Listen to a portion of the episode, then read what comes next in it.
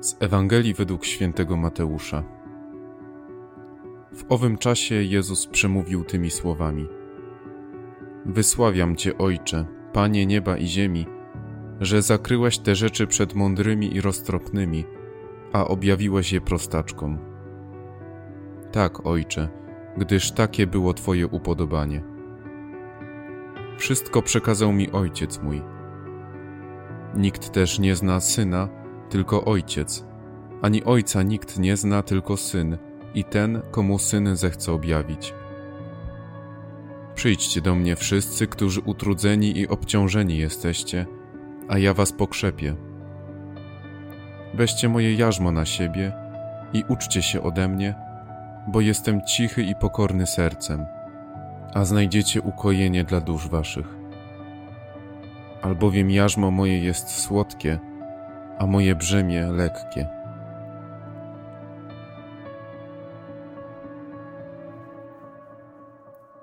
Kiedy czujesz się zmęczony i zniechęcony tym, co cię spotyka, to wtedy Jezus woła każdego z nas: Przyjdź do mnie, a ja dodam ci sił. Nie licz tylko na siebie, na swoje możliwości. Sam zrobisz wiele, ale ze mną możesz zrobić wszystko.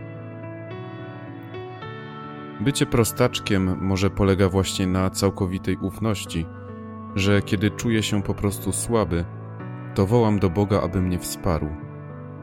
Oddaję mu to, co trudne. Z pozoru może nic się nie zmienić, ale Pan naprawdę jest obecny. Ktoś powie, że to naiwność, a ja powiem, że to miłość. Tej miłości nie można doświadczyć inaczej, jak tylko przez całkowitą zależność od Boga. Tak samo jak nie można poznać, czym jest miłość rodzicielska, jeśli się jej nie doświadczyło, tak samo nie poznam, czym jest miłość Boga, jeśli nie pozwolę się Bogu kochać. Ale to wymaga ode mnie pewnego ryzyka ryzyka powierzenia się drugiemu. Oddania tego, nad czym chcę panować, aby od teraz to Pan tym kierował. Wydaje to się trudne, niewykonalne. Ale popatrz na Jezusa, który całkowicie powierza się człowiekowi. Bo któż jest bardziej zależny niż niemowlę w żłobie? Któż jest bardziej zależny niż człowiek przybity do krzyża? To nie gwoździe, ale miłość go przybiła. Na krzyżu tylko miłość go trzymała.